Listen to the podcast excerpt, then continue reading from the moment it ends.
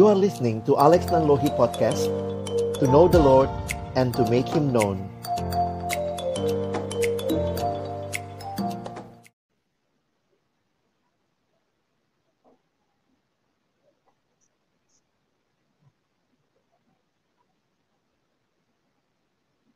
Halo, shalom, selamat malam teman-teman sekalian. Selamat malam, Ray.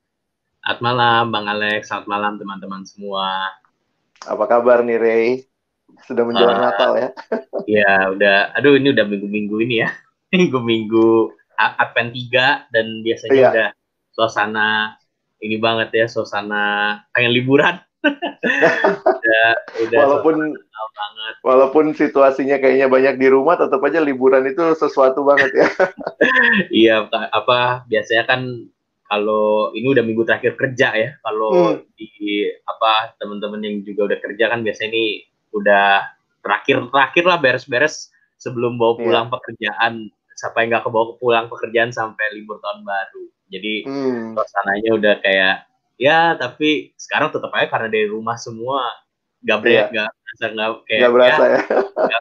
kayaknya sama aja lah di rumah juga Nah, tapi mungkin untuk teman-teman yang ada di rantau dan sekarang juga mungkin uh, ada yang bisa pulang karena memang kebiasaannya untuk pulang dan ketemu dengan keluarga, uh, tapi juga mungkin ada yang nggak bisa pulang ya, sehingga ya tema malam hari ini kita sama-sama akan coba share dengan teman-teman yang seperti judul kita ya, I'll be home for Christmas ya. Hmm. Dan kita akan bisa melihat dan mendengar serta sharing juga mungkin teman-teman yang punya pengalaman yang sama atau ada hal-hal yang dirindukan waktu Natal. Nanti boleh share juga di live chat dengan kita. Mari, Ray, kita doa dulu ya sebelum kita melanjutkan siaran kita. Mari kita berdoa. Bapak Surgawi, terima kasih malam hari ini kami boleh bersama-sama sekali lagi menikmati kesempatan sharing, saling berbagi, dan juga saling menginspirasi. Kami berdoa biarlah siaran malam hari ini di mana kami akan bersama dengan uh, kawan-kawan kami, rekan-rekan kami yang juga merayakan Natal di dalam kerinduan untuk bertemu, berkumpul dengan keluarga. Kami berdoa Tuhan memimpin percakapan kami, baik kami yang hadir juga secara live maupun yang akan mengikuti siaran tundanya. Kami berdoa biarlah apa yang kami sharingkan boleh juga menjadi bagian yang saling membangun satu sama lain. Waktu ke depan kami persembahkan dalam tangan pengasihanmu dalam nama Yesus kami berdoa. Amin. Ya, malam hari ini kita bersyukur sudah kedatangan teman-teman kita. Waktu nyari-nyari narasumber, jadinya kok cowok semua gitu. Ini kayak biasanya-biasanya perempuan ya mau arisan gitu ya. Uh, uh, dan ini kesempatan kalau bicara yang pria terus keluarga gitu ya. Jadi bukan cuma yang perempuan yang mungkin hmm. kangen dengan keluarga, tapi juga yang uh, yang laki-laki gitu ya. Nah, kita mau sama-sama sharing dengan tiga sahabat kita. Yuk kita undang tiga teman kita ada Efrain, lalu Christopher, dan ada Glenn.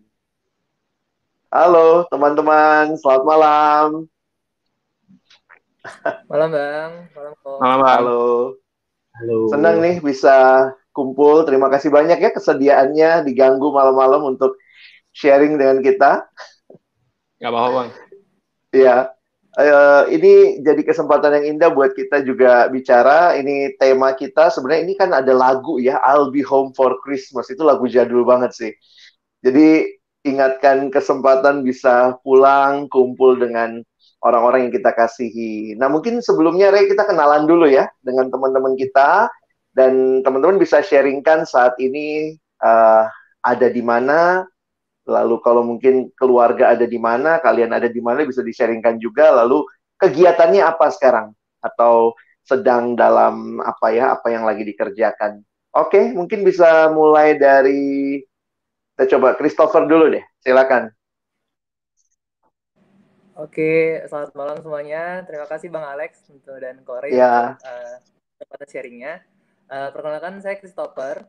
Uh, dulu alumni STAN 2014. Saat ini bekerja sebagai PNS di BPK, tepatnya lagi kerjanya di NTT di Kupang jadi hmm. agak ke timur keluarga uh, kalau kampung halaman di Medan keluarga semuanya di Medan uh, ya sekarang ini posisinya okay. juga lagi di kantor di kantor untuk kegiatan ini masih masih di Kupang dong berarti ya masih di Kupang bang belum pulang nih kapan rencana pulang Christopher rencana pulang hari Sabtu besok bang puji Tuhan udah bisa pulang Sabtu besok oh, oke okay, ya bisa dapat libur berapa lama tuh uh, nanti tanggal Januari tanggal 4 udah harus tiba di Kupang. Tapi. Udah harus. Ya, kurang oh, lebih tiba di Kupang. Udah. Wah. Thank you, Christopher. Ya, uh, selanjutnya bisa kenalan dengan Efrain. Silakan, Dek. Uh, selamat malam, Bang Alex dan Kore. Uh, kalau aku, perkenalkan nama aku Efrain Pangudin Sinaga. Uh, kalau sekarang aku baru lulus dari Fakultas Hukum um, ang angkatan 2020 sekarang kegiatan mungkin masih proses cari kerja sih. Oh oke. Okay. Jadi sekarang ada di mana nih? Oh kalau aku di Batam bang. Oke. Okay. Dia udah udah udah meninggalkan Depok ya? Iya udah. Ke Batam ya. Iya. keluarga semua uh, mesti ada di Batam ya? Iya keluarga semua ada di Batam. Oke, okay. thank you, Efrain. Selanjutnya Glenn, silakan Glenn. Mungkin Glenn yang paling muda di sini kali ya. Halo Kak. Uh, Halo. Jadi perkenalkan nama aku Glenn. Jadi aku tuh sekarang seorang mahasiswa uh, di Universitas Udayana di Bali. Untuk posisi sekarang aku lagi ada di Makassar. Kebetulan mau pulang kampung ke Toraja. Mhm. Jadi ngumpul sama keluarga. Gitu. Oke. Okay. Dan uh, Glenn baru hari ini ya, tadi baru tiba ya di Makassar iya, hari ini ya? baru. ya. Iya kak. Lalu nanti akan lanjutkan lagi perjalanan ke Toraja. Itu masih berapa jam lagi Glenn dari Makassar? Kalau dari Makassar ke Toraja tuh kira-kira 8 jaman sih kak. Wah, oke, okay, 8 jam ya. Itu by dengan darat ya, naik ya, kendaraan bus ya. Mm -mm. Oke, okay. thank you ya, senang sekali teman-teman uh, boleh kumpul dan sharing dan mungkin Ray bisa mulai untuk sharing dengan teman-teman. Oke, ya uh, aku juga menyapa buat teman-teman yang mungkin join nonton juga. Nih Lolo nyapa buat Bang Christopher katanya, Hai Bang Christopher. Lolo, apa kabar Lolo? Lolo, Lolo, apa kabar dia? uh, nah, uh, berkaitan tentang tema ini, aku nggak, ya walaupun aku di Jakarta juga sih ya Bang, tapi uh, kelakuanku kayak rantau. Waktu kuliah di Depok jarang pulang gitu ya, pulang tuh juga sempet ngekos ya, ya di Depok ya? Iya, aku ngekos. Hmm. Uh, tapi dulu tuh kereta masih berantakan bang, masih ya. bu, apa belum rapih lah kayak gitu. Jadi pulang tuh juga kayaknya, aduh malah lebih capek kali pulang pergi gitu. Jadi mending ngekos lah. Dan ternyata hmm. aku ya ternyata asik di kampus gitu ya main dan belajar jadi baru pulang juga waktu hari-hari tertentu lah misalnya tahun baru hmm. kalau aku kayak Imlek gitu ya atau Sintia jadi jarang pulang juga gitu nah mungkin mau nanya juga gitu ya teman-teman uh, sebagai orang yang pernah ngalamin atau ya terpisah lah ya dengan keluarga belajar atau uh, ngekos kayak gitu uh, gimana refleksi teman-teman uh, tahun ini gitu ya di tengah pandemi seperti ini apa yang paling mungkin teman-teman masih bisa syukuri tentang keluarga uh, apa yang mungkin teman-teman juga tahun ini gitu ya melihat apa yang terjadi gitu ada nggak pembelajaran atau perenungan tentang keluarga? Apalagi teman-teman ya aku yakin makin dewasa lah ya kita semakin lulus kan terus kayak semakin kayak ya jadi anak tuh udah mulai lebih makin punya peran dan sebagainya. Aku yakin sebagai anak cowok juga pasti udah kita mulai mikir lah gitu ya buat keluarga. Ada hal-hal apa yang mungkin menarik tahun ini teman-teman renungkan berkaitan tentang keluarga atau ya kehadiran kita di tengah-tengah keluarga? Mungkin boleh mulai dari siapa dulu nih Efrain dulu boleh sharing apa yang tahun ini gimana pengalamanmu? Silakan. Oke, um, kalau aku sih uh, terkait pengalaman masa ini kan Natalnya ini berbeda lah sama Natal-Natal sebelumnya. Terutama kalau ngomong suasana ya, suasana Natal kali ini tuh kayak terkesan tuh nggak meriah atau nggak asik. Atau mungkin biasa tuh kita uh, heboh gitu sama musik gitu kan. Atau enggak promosi-promosi. Bahkan banyak diskon-diskon obral segala macam lah. Maksudnya uh, Natal ini bikin banyak kesan banget lah untuk bias apa untuk sebelum sebelumnya gitu Natal itu sangat berkesan gitu. Tapi kali ini Natal ini kayak terlihat senyap gitu, lebih tenang, nggak begitu banyak kemeriahan atau perayaan-perayaan di luar ataupun uh, nyanyian-nyanyian gitu ya mungkin. Nah tapi uh, kalau aku sendiri sih di keluarga kami tuh lebih banyak uh, gunakan waktu-waktu Natal kayak gini tuh lebih banyak sharing-sharing bareng gitu. Jadi yang paling disyukuri mungkin dari uh, kesempatan Natal hari uh, tahun ini tuh kami jadi banyak untuk cerita-cerita sama keluarga gitu. Mungkin hmm. gara-gara mungkin aku perantau juga, jadi aku kuliah di Depok, uh, terus sekali-sekali pulang. Nah momen-momen kayak gini tuh sebenarnya jarang banget terjadi gitu. Gimana kita bisa cerita-cerita waktu masa kecil, waktu zaman-zaman hmm. uh, apa ya intinya itu hal-hal yang mungkin nggak terpikirkan untuk cerita gitu. Tapi karena suasananya seperti ini itu jadi bikin ada kehangatan sendiri dalam keluarga gitu. Jadi uh, itu sih yang paling dinikmati momen-momen bisa sharing sama keluarga, cerita-cerita terbuka dan dia aku ngerasa ini nggak pernah aku rasain sebelumnya gitu. Jadi ini kayak hmm. momen baru gitu. Padahal perasaan Natal tuh tiap tahun gitu. Tapi kenapa momen ini tuh kayak baru ada saat ini gitu. Jadi ada something hmm. spesial aja di balik tahun 2020 ini gitu. Aku paling gitu sih. Ini, semua bisa pulang kali ini, maksudnya uh, semua ada di rumah gitu ya. Oh, kalau aku kebetulan cuma kakak papa beradik. doang sih. Uh, kalau kakak beradik oh. kami semua di rumah, tapi kalau papa nggak bisa pulang. Oh oke, okay. iya iya. Lagi ini ya, ada tugas di luar di luar yeah. kota. Iya. Iya. Oke, uh, kupikir ya walaupun sebenarnya sama-sama aja kita bisa selama ini di WhatsApp ada grup keluarga kayak gitu. Yeah. tapi kenapa pandemi ini tuh ya mungkin kita jadi lebih mikir gitu kali ya bang ya.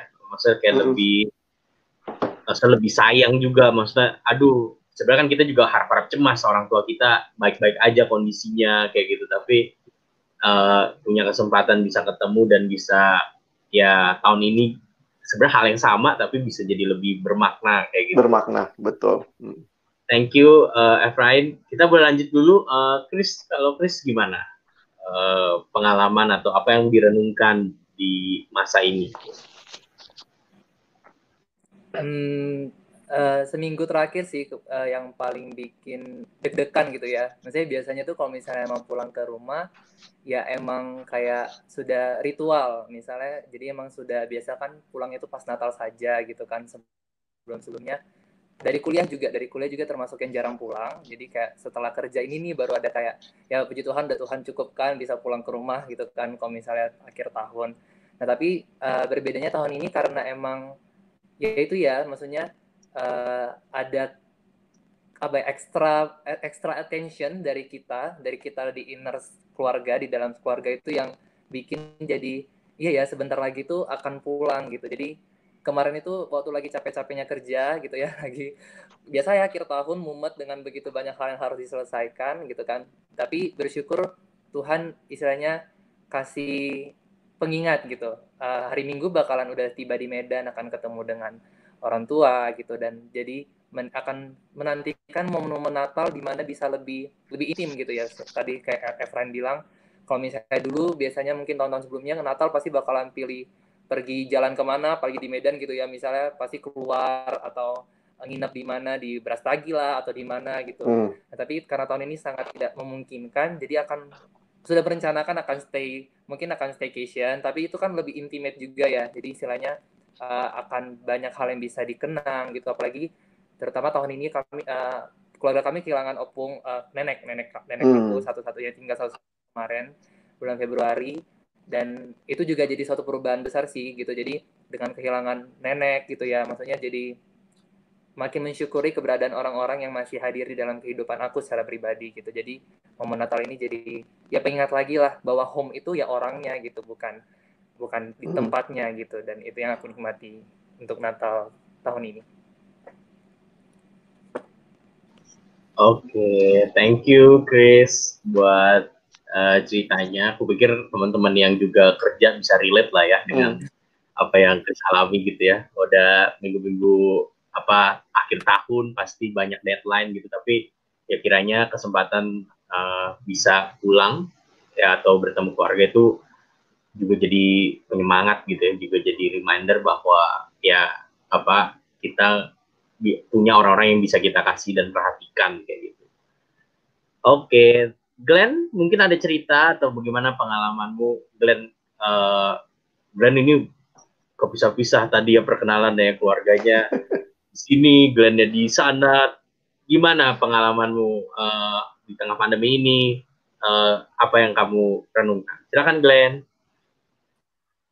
Oke kak mungkin kalau aku lebih kepada waktu sih kak di yang aku paling rasakan di tengah pandemi ini. Hmm. Jadi kan eh, empat uh, tahun atau tiga tahun terakhir tuh kami sekeluarga tuh maksudnya posisinya hmm. bisa-bisa kan kak. Orang tua ada di Kalimantan, aku ada di Toraja, kakak ada di Makassar. Jadi kita ketemunya tuh pas uh, ada waktu aja.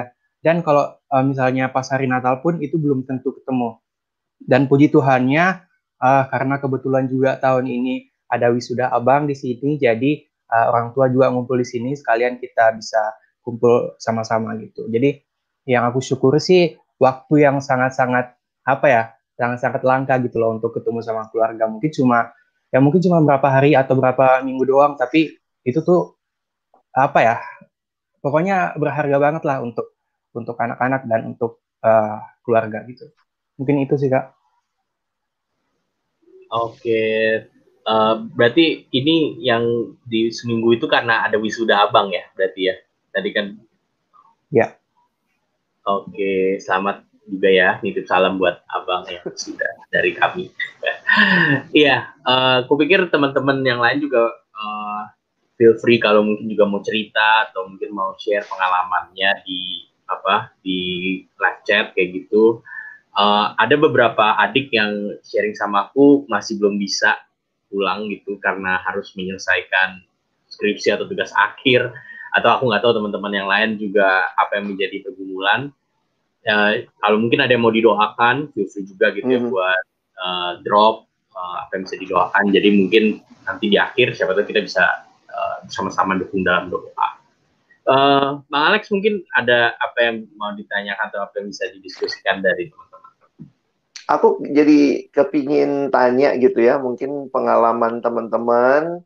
Biasanya kalau pulang itu atau bisa ngumpul, uh, ada ini enggak ya, ada semacam tradisi khusus atau kebiasaan yang dilakukan bersama. Dan kan biasanya kalau tradisi kebiasaan ya, berarti kan sudah biasa dilakukan, tapi kira-kira bagaimana nanti dilakukannya tahun ini ya? Apakah ada hal yang berbeda begitu dari kebiasaan yang teman-teman biasa lakukan kalau pas ngumpul gitu. Oke, okay, mungkin kita dengar dari siapa dulu? Dari Glenn kali ya. Gantian dari Glenn dulu. Ada ritual uh, okay. khusus kah? kalau ritual khusus kayaknya sih apa ya nggak ada sih kak. Maksudnya mm. uh, kalau misalnya hari-hari Natal atau kita lagi rayakan Natal sama keluarga, paling uh, kegiatan-kegiatannya tuh yang kayak umum aja gitu misalnya uh, kita masak kue bareng gitu kan terus lihat spot mm -hmm. Natal terus uh, dinner bareng mungkin gitu-gitu aja sih kak maksudnya mm. untuk waktu khusus yang kayak spesial spesial amat tuh kayaknya sampai saat ini sih aku belum ngerasain sih tapi nggak tahu kayaknya sih nggak mm. ada kak yang aku rasain tapi bersyukur okay. juga sih maksudnya setiap setiap apa yang kita lakukan antar mm -hmm. keluarga tuh setiap momen Natal tuh harus disyukuri gitu kan kak apakah biasa apa misalnya ritual gereja bareng gitu biasanya Iya. Iya itu dilakukannya. Ini tahun ini gimana tuh? Udah direncanain belum atau saya nggak tahu tuh kalau ke Toraja apakah gerejanya buka atau tidak gitu. kalau untuk gereja bareng kayaknya belum ada rencana sih Kak. Dan juga belum tahu antara gerejanya offline atau online gitu. Iya. iya. Masih iya. diangan-angan. Jadi mungkin itu jadi unik juga ya kalau biasanya kita ke gereja bareng, sekarang semua pakaian rapi di depan laptop gitu ya, depan TV. Oke, okay, thank you. Kalau Christopher gimana nih pengalaman uh, tradisi keluarga biasanya di Natal atau sebelumnya apa yang biasa dilakukan? Kalau biasa sih pastinya tetap beli baju baru, beli baju baru Natal. biasanya kebiasaan dari kecil gitu sampai ya bedanya mungkin sekarang kita nih yang belanjain yang udah kerja nih belanjain orang tuanya gitu orang tua ya. Kan orang tuanya nih yang Natal ya. Ya tapi emang tahun ini mungkin akan berbeda karena emang ya betul juga sih belum kepikiran sih bang saya nanti ibadah malam Natalnya bakal seperti apa karena emang biasanya ya pasti ada kalau kami lakukan ibadah Natal bareng kemudian habis yeah. itu dinner bareng di luar gitu nah ini makanya nah ini apakah dinner di luar apa tidak belum tahu ya Iya, belum tahu. Tapi biasanya kita malam Natal itu pasti dinner bareng, baru nanti makan siang bareng-bareng keluarga di hari Natalnya hmm. bersama dengan opung dan keluarga-keluarga lain yang di Medan gitu. Jadi itu biasanya apa? Saling mengunjungi atau kumpul di satu oh. tempat? Kumpul di satu tempat di tanggal 25-nya biasanya, Bang. Biasanya jadi oh, okay. uh, biasanya makan tanggal 25 di rumah opung, di rumah nenek opung. di Medan hmm. gitu. Nah, tapi ini karena oh. udah berbeda kan kondisinya dan plus pandemi ini lagi gitu kan. Jadi masih belum ada sih pembahasan akan seperti apa. Belum ada. Tapi biasa kalau kita kunjung kunjungannya biasanya juga di Januari kan kalau tahun baru biasa orang Batak tuh datangnya pas tahun baru nah ini juga hmm. masih belum ada iya sih bang iya ya harus dimulai dibahas juga ya ntar lagi udah mau pulang iya. dipikir pokoknya buat teman-teman pokoknya yang penting pulang dulu lah nanti gimana gimana nanti lah ya iya, Oke, okay. thank you Chris. Uh, gimana kalau Efrain? Apa yang biasa dilakukan waktu Natal bareng gitu kalau kumpul keluarga? Mungkin kalau biasa ritual atau biasa tuh paling yang paling ini sama kayak Christopher sih mungkin beli baju baru itu itu kayak udah jadi hal yang wajib aja gitu karena mungkin karena iming-iming banyak diskon juga sih ya jadi kayak ya ini jadi kesempatan yang yang berharga gitu untuk keluarga bisa beli baju bareng gitu Nah mungkin atau enggak kita juga biasanya sering masak-masak bareng uh. gitu. Ah. Biasa masak kue sih. Karena kue itu kan yang paling mudah. Eh, maksudnya karena mudah untuk dibagi-bagi gitu. Biasanya nganter-nganter sekalian sama minuman kaleng gitu ke rumah saudara atau ke tetangga-tetangga terdekat gitu biasanya gitu. Sama paling yang paling uh, biasa dilakuin juga beli ini apa perhiasan-perhiasan buat pohon Natal gitu ya. Karena oh, kadang okay. kan uh, ada perhiasan pohon Natal nggak tahu setiap tahun tuh hilang aja entah ke mana gitu entah dibuang atau apa jadi setiap tahun kayak ada ritual harus beli uh, hiasan pohon Natal gitu nah tapi itu lucu sih kadang kayak nyari-nyari barang itu jadi ada kesenangan buat keluarga sendiri gitu sih sukacita gitu. hmm. tapi tahun ini gimana nih apa masih dilakukan juga atau akhirnya beli bajunya online begitu mungkin Uh, kalau tahun ini sih kalau baju nggak beli sama sekali ya. Jadi kayak ya udahlah oh, gitu ya? mau ke mana-mana juga gitu. Bahkan uh, tahun ini pohon Natal juga nggak dibikin gitu. Ya udahlah nggak usah bikin pohon Natal gitu. Oh gitu ya? Kelihatan sepi banget sih. Cuman ya nggak apa-apa kan. Yang penting kita memaknai Natal itu dalam hati ya saya gitu. Jadi aku pikir okay. ya tetap ada sukacita juga ya itu iya iya. Aku juga jadi, jadi ini juga sih ya kemarin waktu beberapa kali kan juga persiapan khotbah gitu ya waktu merefleksikan hal yang biasa kita lakukan dan harus melakukannya kali ini dengan cara yang berbeda jadi sadar sih ya bahwa iya ya ada ada hal yang memang inti lalu ada hal yang memang sebenarnya hiasan-hiasannya gitu. Jadi sadar juga gitu ya mau baju baru sebaru apa pun taunya nanti duduknya di depan depan laptop, depan ini, depan uh, eh, HP gitu. Jadi jadi lucu aja gitu bajunya baru, eh bawanya celana pendek. Kalau kalau Ray sendiri gimana Ray? Ada ada kebiasaan apa yang biasanya dilakukan bersama mungkin kalau entah Natal atau tahun baru? Kalau kami sih uh, lebih lebih banyak ini kali yeah. ya makan bareng ya. Maksudnya makan makan malam bersama. Kalau kami uh, apa tipenya emang enggak kalau malam tahun barunya tuh uh, justru malah nggak keliling yeah. soalnya kan macet ya di Jakarta rame banget kayak gitu jadi kembang api juga lebih kelihatan dari TV daripada di uh. spot kayak gitu jadi uh, biasanya kami makan malam bareng sama keluarga kayak gitu dan apa kemudian ya sampai tahun barunya biasanya kalau nggak ibadah kan ada ibadah tahun baru Natal juga gitu kok mm. ibadah malam Natal ke gereja terus hari hanya uh, biasanya uh, ke gereja terus ya makan bersama jadi hanya kebanyakan kebanyakan makan gitu cuma ya gitu tahun ini adikku adikku kan di iya. Batam yeah. tapi eh, nggak uh, bisa pulang bukan nggak bisa pulang sih maksudnya uh, susah prosesnya lah uh, harus hmm. Tes ini terus ntar harus isolasi mandiri. Baik ke, baik nanti waktu dia balik ke sana. Jadi emang oh dari uh, dari tempat kerjanya ada standar operasional kalau pulang ya, ya? ada protokolnya yang dan itu semua biaya sendiri kan. Jadi kayak hmm. nggak ditanggung. Jadi itu yang kayak aduh uh, dan merasa sulit lah kayak gitu. Jadi -hmm. uh, daripada apa kerja apa nanggung gitu ya udahlah nanti dulu deh kalau udah lebih kondusif baru pulang. Jadi ya mungkin tahun ini ya nggak nggak terlalu ke mana-mana kali ya. Apalagi di Jakarta udah mau psbb ketat lagi dibatasin iya, keluar jadi mungkin tahun ini ya hanya di rumah. Uh, ini hal-hal yang perubahan-perubahan ini tentunya membuat kita jadi sadar juga ya sebenarnya apa sih yang paling penting dalam Natal ya?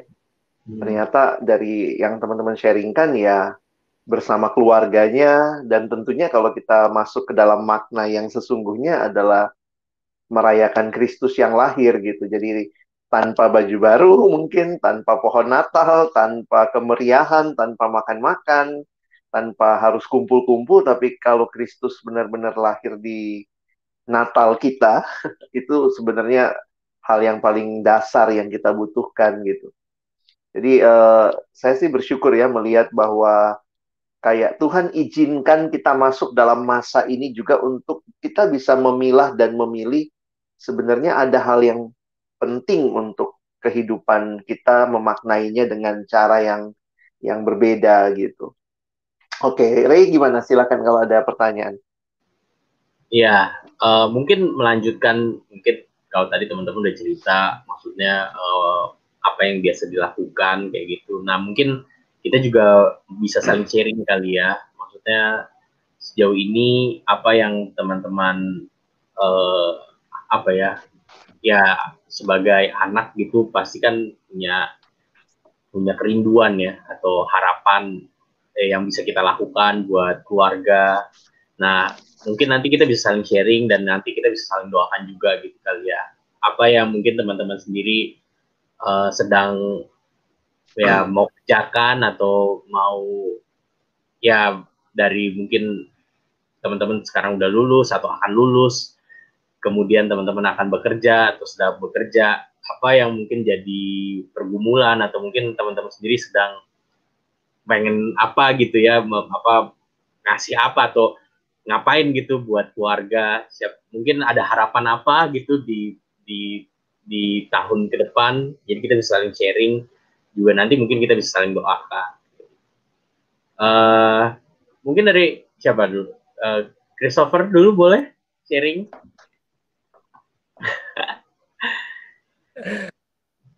Agak berat ya soalnya kok pertanyaannya. Uh, kalau misalnya ini kayak pertanyaan mandok hatta ya.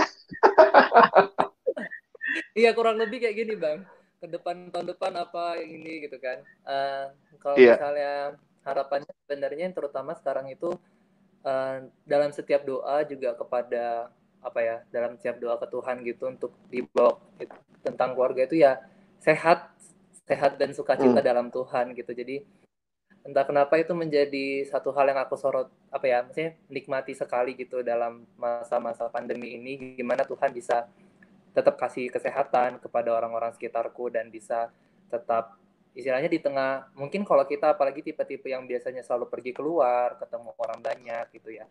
Tapi di tengah pandemi ini kita harus membatasi itu semua dan melihat mamaku gitu ya kalau aku boleh cerita termasuk hmm. sekarang seperti itu gitu. Jadi ya agak apa ya agak susah nih untuk tetap tinggal di rumah gitulah. Jadi biasanya sekarang emang temennya banyak sekali dan suka sekali jalan-jalan keluar gitu. Dan uh, melihat bagaimana tahun ini dia bisa menikmati ya ada ada cucunya, ada anak-anak hmm. yang di Medan gitu yang bisa tetap istilahnya uh, menjadi tempat dia bercerita, tempat dia berbagi kasih gitu. Dan itu yang aku nikmati. Makanya dalam setiap ya tahun ke depan juga berharapnya kalau secara secara mendasarnya itulah tetap sehat dan sukacita dalam Tuhan. Karena ya karena makin terasa gitu bang. Maksudnya umur juga semakin tua orang tua gitu kan. Mm. terus dengan posisinya kan aku tinggal mama sendiri nih. Kalau orang tua yang dia ada di keluarga aku kan papaku udah meninggal udah cukup lama.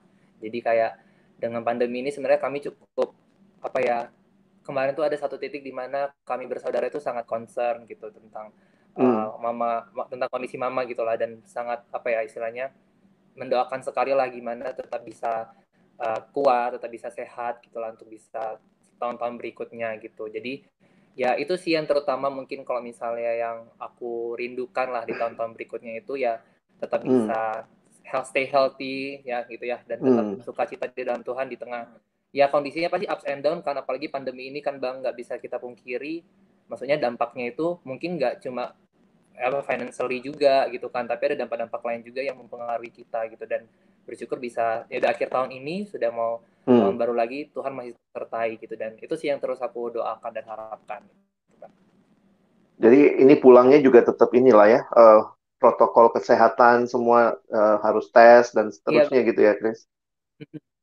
apalagi kan emang uh, bersyukurnya maksudnya nanti dari ini apa rencana juga ntar sampai Medan akan swipe dulu gitu sebelum ke ke rumah yeah. gitu jadi emang udah dipikirkan juga sih bang jadi karena emang udah makin nggak bisa dipungkiri ya maksudnya dengan pulang ini kan dengan kepulangan ini makin banyak orang yang akan terbang gitu kan dan kemungkinan yeah. untuk penyebaran juga semakin tinggi juga gitu jadi emang harus antisipatif dari kitanya juga gitu bang. Mm -hmm. Oke, okay, thank you Chris uh, buat sharingnya. Nanti aku tadi sambil catat berapa nanti kita, saya pikir kita bisa doakan bareng-bareng gitu ya. Uh, Efrain, kalau kamu apa yang mungkin lagi didoakan atau lagi direncanakan gitu ya buat ke depannya, silakan. Oke, okay. uh, kalau aku sih mungkin yang yang mungkin jadi uh, dido yang jadi hal yang didoakan dan pergumulan tuh mungkin pekerjaan lah ya. Mungkin kita juga nggak bisa pungkiri lagi ya tutup mata gitu. Maksudnya uh, sebagian besar itu uh, lebih tepatnya fresh graduate itu agak cukup sulit lah untuk memperoleh pekerjaan pada masa-masa kini gitu. Jadi aku pun menyadari bahwa bukan cuma aku tapi teman-temanku yang lain bahkan mungkin orang-orang yang aku kenal itu punya pergumulan yang sama terkait hal ini gitu. Nah ini tuh sebenarnya cukup mengganggu dan cukup menyusahkan hati lah. Karena ya karena ada niat dalam hati ya untuk bisa membantu keluarga, bisa cepat-cepat bisa punya uang, bisa segala macam gitu. Ya tapi ya gara-gara kondisi saat ini itu jadi salah satu pergumulan terbesar lah aku rasa untuk orang-orang yang setelah lulus gitu. Ya ini jadi pergumulan pribadi dan juga pergumulan keluarga gitu. Karena ya keluarga juga mendoakan kan. Ya jadi akhirnya ya itu jadi salah satu hal yang harus didoakan sih. Saya mungkin hmm. ya uh, perekonomian lah ya. Mungkin kita juga sadari mungkin kalau mungkin secara ekonomi uh, kalau keluargaku mungkin nggak begitu masalah tapi maksudnya aku punya banyak saudara dan aku punya banyak teman-teman yang mungkin aku dengar ceritanya gitu.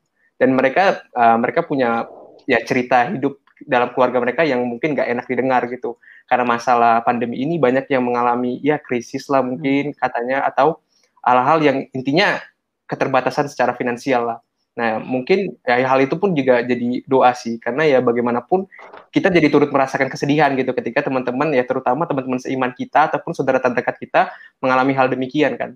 Hmm. Jadi itu sebenarnya jadi kerinduan dan doa aku juga sih supaya 2021 itu kiranya ya ya Tuhan bisa uh, tolonglah semua anak-anak Tuhan dan ya bahkan semua umat manusia gitu supaya pada akhirnya boleh uh, terlepas dan bisa melewati ini dengan baik. Oke, okay, thank you Evain. Uh, apa ya aku pikir itu juga yang bisa itu juga benar lah ya itu semua juga jadi pergumulan teman-teman yang mungkin uh, lulus atau masih bergumul cari pekerjaan. Nanti aku pikir nanti kita akan aku pikir bisa kita doakan bareng gitu ya. Uh, terima kasih buat sharingnya, right? Uh, Glenn, gimana kalau kamu apa yang mungkin sedang direncanakan atau apa yang sedang mau didoakan di apa dilakukan buat keluarga misal. Silakan Glenn. Oke kak. Kalau aku sendiri sih mungkin yang aku apa ya rencanakan atau yang aku harapkan sih sebenarnya cuma satu kak. Nggak banyak nggak masalah pekerjaan atau keuangan kan aku sendiri kan masih seorang mahasiswa kan jadi belum bisa ngasih hal-hal yang apa ya yang terlalu besar bagi bagi orang gitu. Tapi yang menjadi apa ya harapanku selama ini tuh cuma satu yaitu keluargaku tuh bisa punya hidup yang baru di dalam Tuhan. Jadi selama ini sebenarnya ya sebagai orang Kristen ya sekedar orang Kristen gitu kan enggak nggak benar-benar menghidupi bagaimana itu kita menjadi seorang Kristen.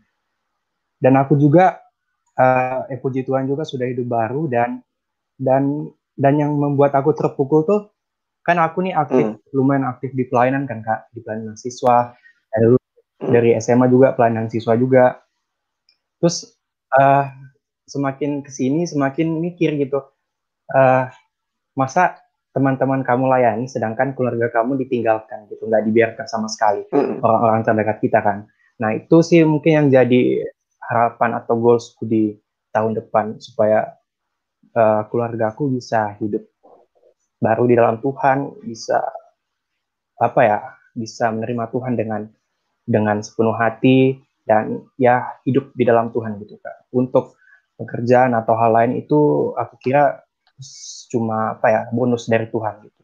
Itu sih yang menurut aku kak. Iya, thank you. Terima kasih buat ceritanya, Glenn. Kupikir itu juga jadi pergumulan. Eh, aku pun juga kadang-kadang mengalami gitu ya, lebih lebih ke sana kemari buat orang lain gitu tapi di rumah sendiri atau sama keluarga sendiri kadang-kadang justru malah kita yang paling jarang gitu ya malah malah paling bahkan juga mungkin kadang-kadang jadi sungkan dan sebagainya tapi ya semoga di momen Natal ini bisa kita bisa ya bersaksi atau mungkin kehadiran kita pun bisa menolong keluarga atau saudara-saudara kita juga bisa tahu gitu ya hmm. seperti apa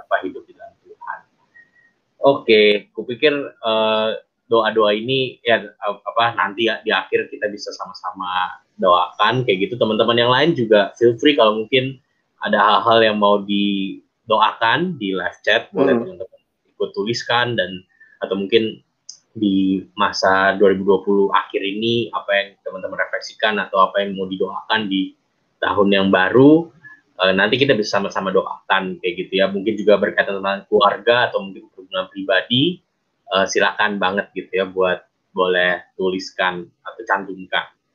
Uh, bang Alex mungkin ada apa yang yeah. digali bagian terakhir gitu ya buat kita semua? Silakan bang. Uh, aku ingin sharing refleksi sebentar gitu ya. Kalau dengar hmm. cerita teman-teman tentang kerinduan buat keluarga aku pikir sebenarnya ketika Natal tahun ini yang harusnya biasanya kita rayakan dengan uh, rame gitu ya bahkan mungkin juga cenderung uh, buat kita yang pulang dari saya ingat dulu saya juga anak rantau ya itu kalau pulang dari rantau gitu kadang-kadang waktu masih lebih muda ya masih anak anak kuliahan gitu pengennya pulang tuh ketemu temen-temen gitu ya. Elah ketemu keluarga tuh cuman mampir gitu kayaknya terus jalan sama teman, apalagi kalau udah mau pulang gitu ya hari ini makin deket wah pokoknya belum ketemu si ini, belum ketemu si itu. Tapi ketika Natal harus dirayakan dalam konteks uh, pandemi ini, ini makin membuat kita sadar gitu ya. Kita akan ba lebih banyak dengan keluarga dan mungkin juga harapan-harapan yang mungkin karena apa ya keluarga tuh unik ya. Di satu sisi kita deket tapi ngomong apa adanya juga susah gitu untuk ngomong bahwa kita mengasihi, ngomong bahwa kita bisa apa, kita peduli dengan mereka, kita rindu mereka, kenal Tuhan sungguh-sungguh tuh gimana ngomongnya gitu ya. Kadang-kadang uh, butuh waktu dan mungkin itu jadi cara yang Tuhan mau juga kita makin maknai tahun ini di tengah-tengah apa ya situasi pandemi. Aku jadi selalu sadar gitu ya, Natal itu sebenarnya tentang keluarga. Kenapa? Natal pertama juga kan keluarga ya. Maria, Yusuf, dan uh, bayi Yesus gitu. Jadi uh, mari maknailah ke kehadiran kita dipaksa harus bersama keluarga ini bukan jadi sesuatu yang terpaksa tetapi sesuatu yang bisa membuat kita juga sadar bagian yang kita mau bagikan buat mereka. Jadi uh, ya ini ini perenungan yang menarik sih buat aku. Mungkin yang saya ingin tanyakan bagian terakhir sih sebenarnya lebih gini ya. Mungkin kalau tadi kita bicara keluarga, tapi sekarang kita coba bicara tentang diri teman-teman gitu ya. Boleh tahu gitu ya, apa yang kan kita udah akhir tahun nih ya. Refleksi teman-teman tentang tahun ini, apa yang kalian alami dan tahun depan boleh tahu nggak ada rencana apa, ada hal apa yang teman-teman rindu didoakan gitu, yang terkait dengan pribadimu uh, dan ya tentu waktu kita kita mau sesuatu untuk diri kita kan pada akhirnya juga pasti keluarga dapat dampaknya ya. Nah, gimana nih merefleksikan tahun 2020 orang bilang 2020 itu cuma sampai bulan Maret ya. Selebihnya Maret sampai Desember itu udah kayak zet lewat gitu ya. Tapi silakan boleh teman-teman share gitu ya apa yang dialami atau refleksimu dan apa next uh, rencana oke okay, Glenn dulu deh. Yang masih mahasiswa biasanya lebih seger. Oke okay, kak. Mungkin apa ya selama tahun 2020 nih khususnya di masa pandemi.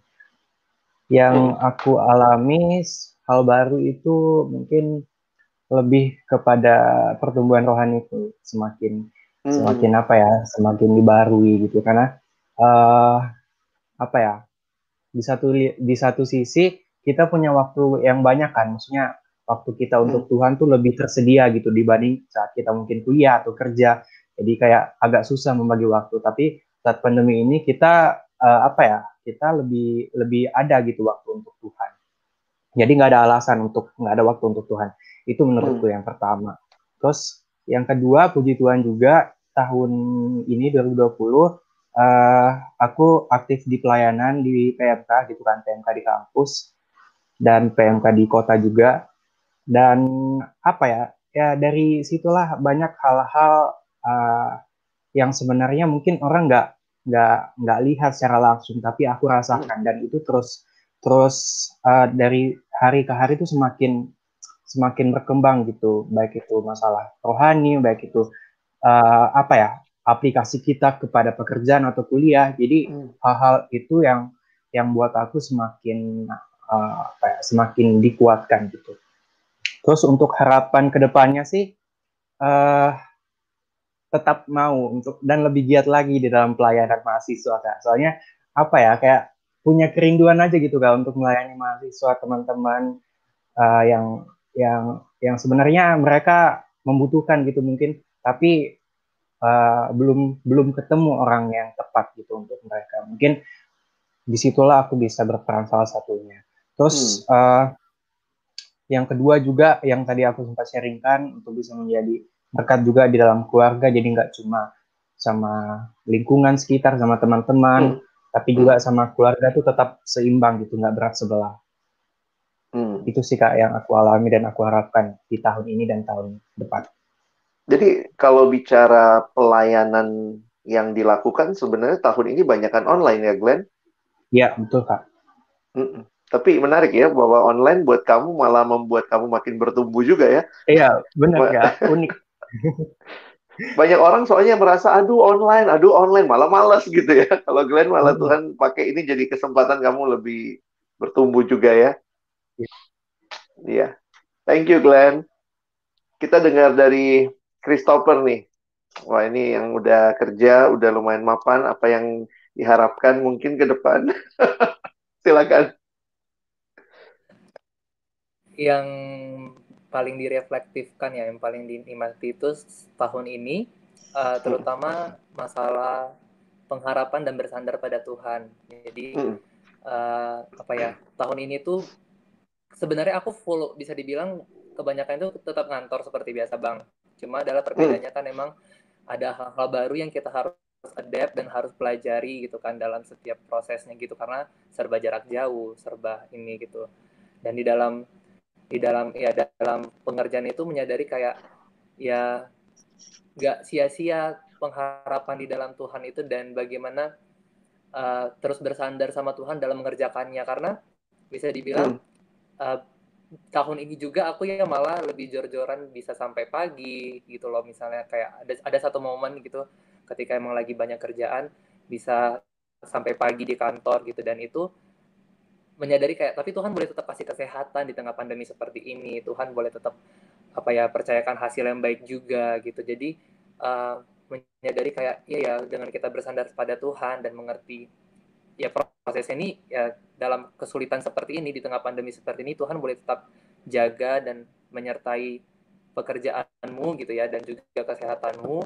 Dan bahkan kau masih istilahnya di tengah mungkin orang-orang lain yang uh, istilahnya sedang kesulitan tapi Tuhan malah izinkan istilahnya tuh ada hal-hal baru yang boleh kau pelajari yang boleh membentuk hmm. dan pada akhirnya jadi semakin menyadari kayak iya ya dengan apa yang bersandar pada Tuhan dan berharap pada Tuhan itu itu udah paling bener lah gitu bang jadi kayak karena emang kemarin uh, ini ini tersadarkan emang ada masa-masa di mana kemarin itu ya terlalu mengandalkan kekuatan pribadi kekuatan diri sendiri hmm. gitu di tengah di tengah pandemi ini gitu kan. Karena banyak kan tiba-tiba kan bang tiba-tiba datang tiba-tiba betul.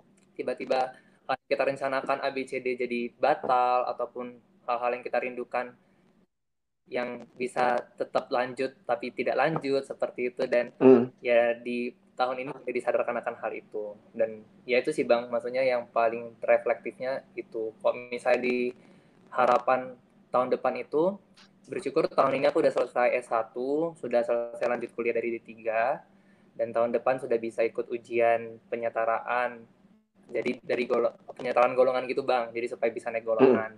Dan dengan nanti bisa ikut ujian ini kalau misalnya lulus sudah golongan jadi 3A sudah bisa memilih jenjang karir berikutnya gitu. Jadi akan ada pilihan jenjang karir yang lebih terbuka lagi. Jadi tahun depan hmm. tuh menurut aku adalah tahun yang cukup krusial untuk beberapa tahun ke depan dan harapannya sih boleh dengar-dengaran akan maunya Tuhan gitu. Karena uh, sudah mulai mempertimbangkan sebenarnya pilihan-pilihan karir yang ada. Tapi ya itulah abang maksudnya banyak sekali godaan-godaan yang sekali input-inputan yang terkadang itu membiaskan dan membiaskan apa ya sebenarnya apa sih callingnya apa sih sebenarnya Tuhan rindukan hmm. kerjakan. Ya kayak kemarin tuh pernah apa dengar yang IG live-nya Bang Alex juga ya merasa terberkati lah masalah rencana Tuhan atau kehendak Tuhan masalah yang kerjaan dan masalah yang sebenarnya hmm. Tuhan atau enggak seperti seperti itu jadi ya sudah cukup bulat sebenarnya bang makanya harapannya cuma di hmm. tahun depan itu ketika Tuhan kasih kesempatannya itu aku boleh ya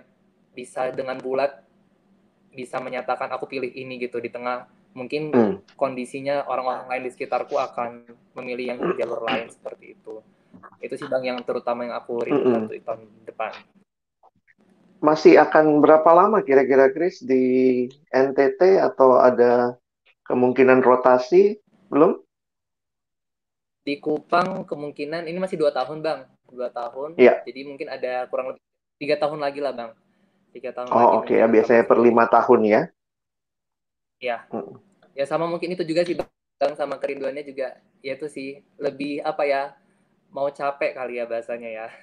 Hmm. Karena emang entah kenapa menyadari ketika masuk ke dunia kerja ini nggak bisa seapi-api Glenn dulu waktu pelayanan di mahasiswa gitu. Maksudnya dulu di pelayanan yeah. mahasiswa tuh bisa jor-joran sampai jam 2 pagi gitu loh. Kita masih lan eh, masih mengerjakan pelayanan KTB bahkan sampai pagi seperti itu karena waktunya mepet.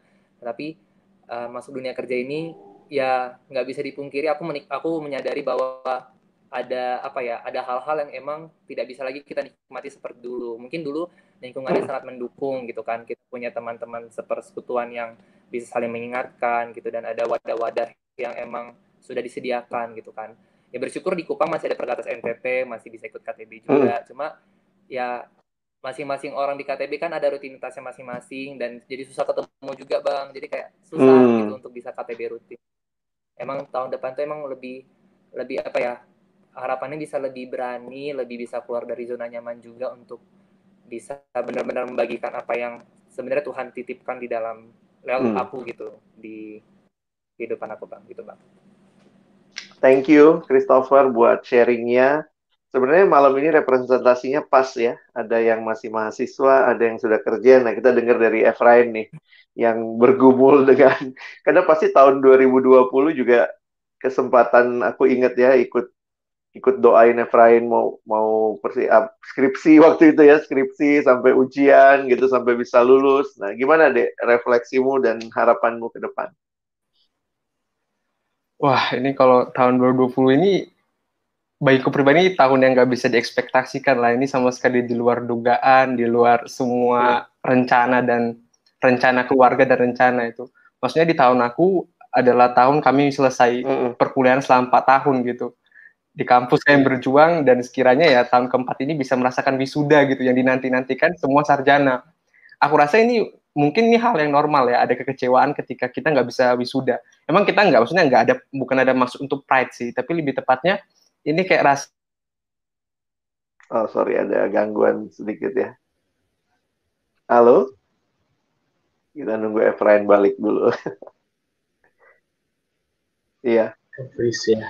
Biasa memang ya dalam situasi jadi sarjana pandemi ini tanda kutip ya. Jadi unik ya. Pergumulannya nggak nggak gampang tapi ya di situ juga mungkin nanti kalau masuk lagi kali ya.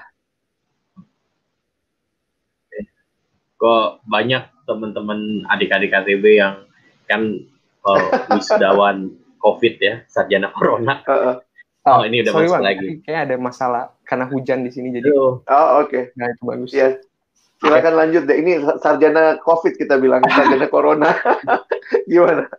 Ya, jadi itu jadi tekanan juga ya. Jadi kayak ya keluarga hmm. udah mempersiapkan banyak hal. Nanti kalau wisuda bisa ini, bisa ini, bisa foto ini, foto itu gitu. Jadi ada semangat yang mendalam gitu. Terus ternyata ya semua dikecewakan karena COVID nggak berujung usai gitu. Terus selesai hmm. usai, terus uh, tambah lagi masalah pergumulan kedua itu pekerjaan ternyata COVID juga menampar sisi pekerjaan di mana kita juga sulit yeah. gitu dalam pekerjaan gitu tambah lagi ya banyaklah hal-hal yang keterbatasan kita nggak bisa merayakan wisuda sama keluarga besar gitu karena semua pembatasan gitu jadi kadang melihat hal ini bisa disyukuri ini hal yang sulit banget sih bagi aku hmm. ya ini hal yang ah, sulit untuk mensyukuri Tuhan di tengah-tengah kondisi kayak gini gitu tapi aku hmm. rasa di masa yang sama inilah di mana Tuhan bentuk anak-anaknya itu menjadi anak-anak yang sungguh-sungguh takut dan percaya sama Tuhan itu bukan karena kondisi gitu. Tapi karena Tuhan adalah Tuhan gitu. Jadi ya maka dia patut untuk dipercaya dan diimani gitu. Nah itu sih paling itu paling banyak ngebentuk aku gitu. Jadi aku sadar bahwa hmm. ya mungkin kalau kita baca kitab pengkhotbah itu ngomong tentang kesia-siaan. Kita hmm. agak susah untuk relate sama kondisi itu. Tapi hari ini COVID datang, aku sadar bahwa ternyata pakaian yang bagus itu sia-sia pada akhirnya. Tuhan kasih COVID, hmm. kita nggak bisa pakai pakaian yang bagus untuk keluar gitu. Ternyata hmm. jadi sadar gitu. Ternyata ya pada akhirnya semua ini sia-sia gitu ya memang yang yang yang internal itu atau yang yang uh, berkelanjutan dan sampai selama lamanya hanya Tuhan gitu. Makanya hmm. jadi sadar sih banyak yang diubahkan Tuhan gitu. Jadi kayak belajar bersyukur hari ini Tuhan kasih roti dan ikan untuk dinikmati hari ini ya nikmatilah itu gitu. Nanti ada waktu di mana Tuhan bisa lebihkan dan lipat gandakan gitu. Tapi hari ini bersyukur sama kondisi gitu. Karena kadang hmm. kita terlalu bersyukur ketika dapat hal yang besar gitu. Setelah aku pikir-pikir aku belajar untuk bersyukur dari hal kecil. Kayak bisa lihat hmm. matahari matahari panas gitu kadang kita kadang aku mikir kan kayak nggak pernah nikmati matahari panas. Cuman waktu itu pernah dapat berita covid salah satu penanggulangannya adalah dengan bersinar apa berjemur di matahari. Berjemur.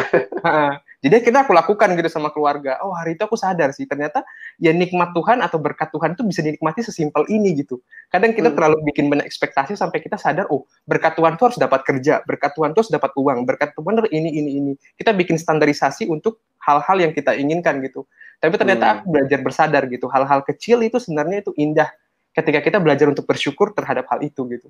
Jadi aku hmm. rasa aku pun sama kayak Glenn, mungkin aku merasakan pertumbuhan rohani yang sangat baik lah dalam hal belajar untuk bersyukur dan percaya sama Tuhan bukan karena kondisi, tapi karena Dia Tuhan gitu. Hmm. Nah, hmm. nah mungkin kalau yang aku yang aku harapkan di tahun 2020 sebenarnya nggak banyak sih bang. Aku tuh kayak lebih kayak aku beriman aja gitu apa yang su sudah Tuhan Tuhan punya rencana untuk setiap kita anak-anaknya Nah, tapi aku maksudnya aku juga ada pergumulan karena aku kemarin aku tes uh, eh, S2 dan puji Tuhan aku lulus gitu. Jadi hmm. maksudnya aku punya uh, aku nggak aku nggak mau bilang punya solusi lain sih karena ya hal itu juga baik gitu. Jadi aku yeah. pikir ya sekarang aku lagi mendoakan bagaimana Tuhan uh, maksudnya apa yang mau Tuhan kendaki untuk kerjakan dan layani saat ini.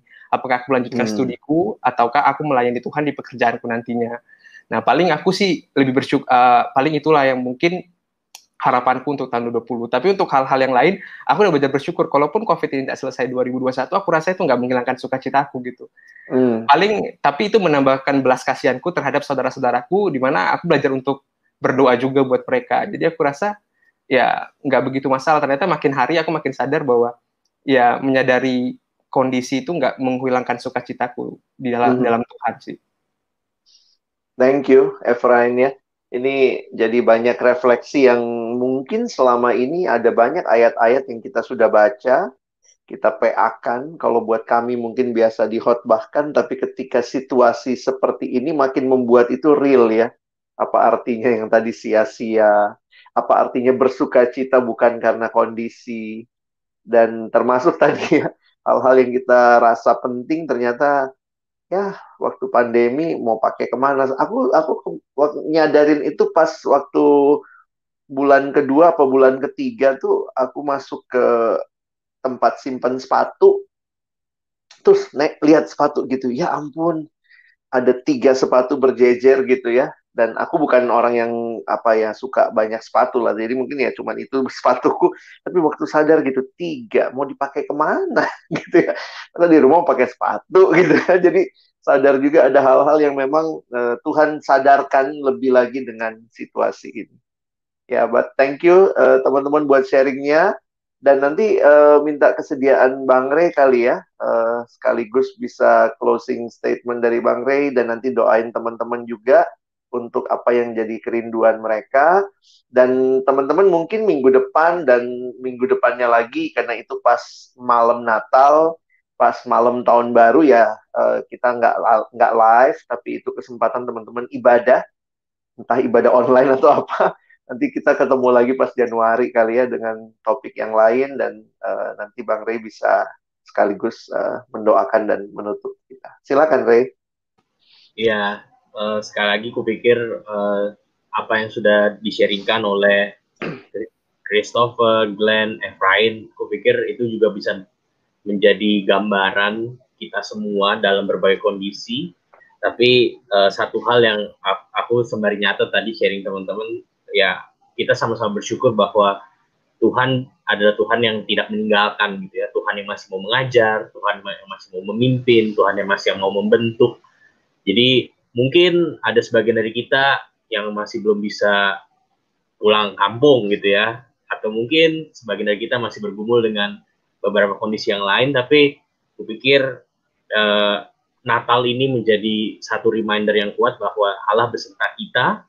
Dan kupikir itu juga kesempatan kalau teman-teman bisa pulang sama keluarga bisa bertemu dengan orang-orang terkasih maka itu menjadi kesempatan yang indah buat kita bisa menikmati uh, kasih bersama kayak gitu ya. Uh, terima kasih teman-teman buat kesempatan bisa ber, bercerita bersama. Uh, aku doakan ya aku izin pimpin doa. Yuk mari kita bersatu dalam doa. Tuhan kami bersyukur buat kesempatan kami bisa berbagi bersama dan saat ini kami sekali lagi menyerahkan hidup kami, diri kami di dalam perjalanan kami baik di dalam studi, baik di dalam pekerjaan, di dalam pelayanan, di dalam setiap pergumulan kami ke dalam tangan kasih dan kemurahan. Kami bersyukur Tuhan adalah Tuhan yang mau terus memimpin, mau terus membukakan, mau terus mengajarkan, mau terus menolong kami melihat apa yang paling penting di dalam hidup ini. Bahwa hanya Engkau Tuhan yang sanggup menjadi sumber pengharapan dan sandaran kami. Saat ini Tuhan kami bersyukur buat ketiga sahabat, rekan kami, buat Chris, Efrain, dan Glenn. Kami sama-sama mau mendukung dalam doa.